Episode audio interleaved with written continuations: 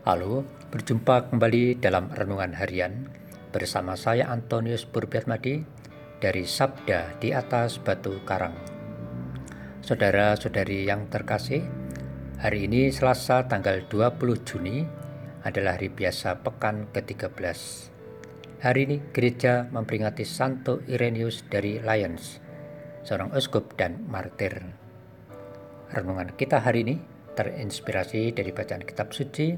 Bacaan pertama diambil dari kitab Amsal pasal 3 ayat 1 sampai dengan 8 dilanjutkan pasal 4 ayat 11 sampai dengan 12 dan bacaan Injil suci dari Injil Matius pasal 8 ayat 23 sampai dengan 27. Mari kita siapkan hati kita untuk mendengarkan sabda Tuhan. Pada suatu hari, Yesus naik ke dalam perahu dan murid-muridnya mengikuti dia. Sekonyong-konyong mengamulah angin ribut di danau itu, sehingga perahu ditimbus gelombang. Tetapi Yesus tidur. Maka murid-muridnya membangunkan dia katanya, Tuhan, tolonglah kita binasa. Yesus berkata kepada mereka, Mengapa kalian takut, hai orang-orang yang kurang percaya? Lalu bangunlah Yesus menghardik angin dan danau. Maka danau menjadi teduh sekali. Dan heranlah orang-orang itu, katanya, Orang apakah dia ini, sehingga angin dan danau pun takut kepadanya?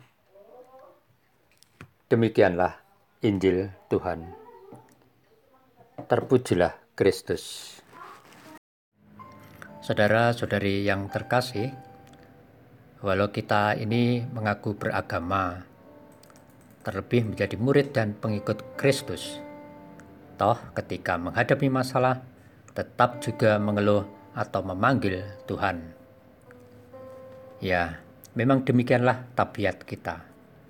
Sebaliknya, saat kita happy-happy, kita melupakan Tuhan, bukan?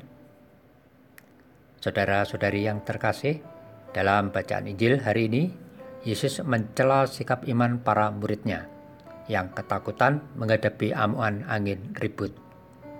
Padahal sebelumnya mereka sudah melihat dengan nyata kuasa Yesus yang menyembuhkan orang kusta, hamba seorang perwira, ibu mertua Petrus, dan sebagainya.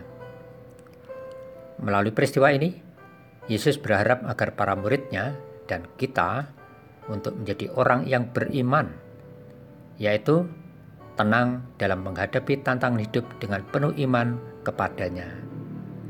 Saudara-saudari yang terkasih, semoga sabda Tuhan hari ini membuat kita semakin percaya akan penyertaan Tuhan, baik dalam suka maupun duka. Ya Yesus, tambahkanlah imanku. Amin.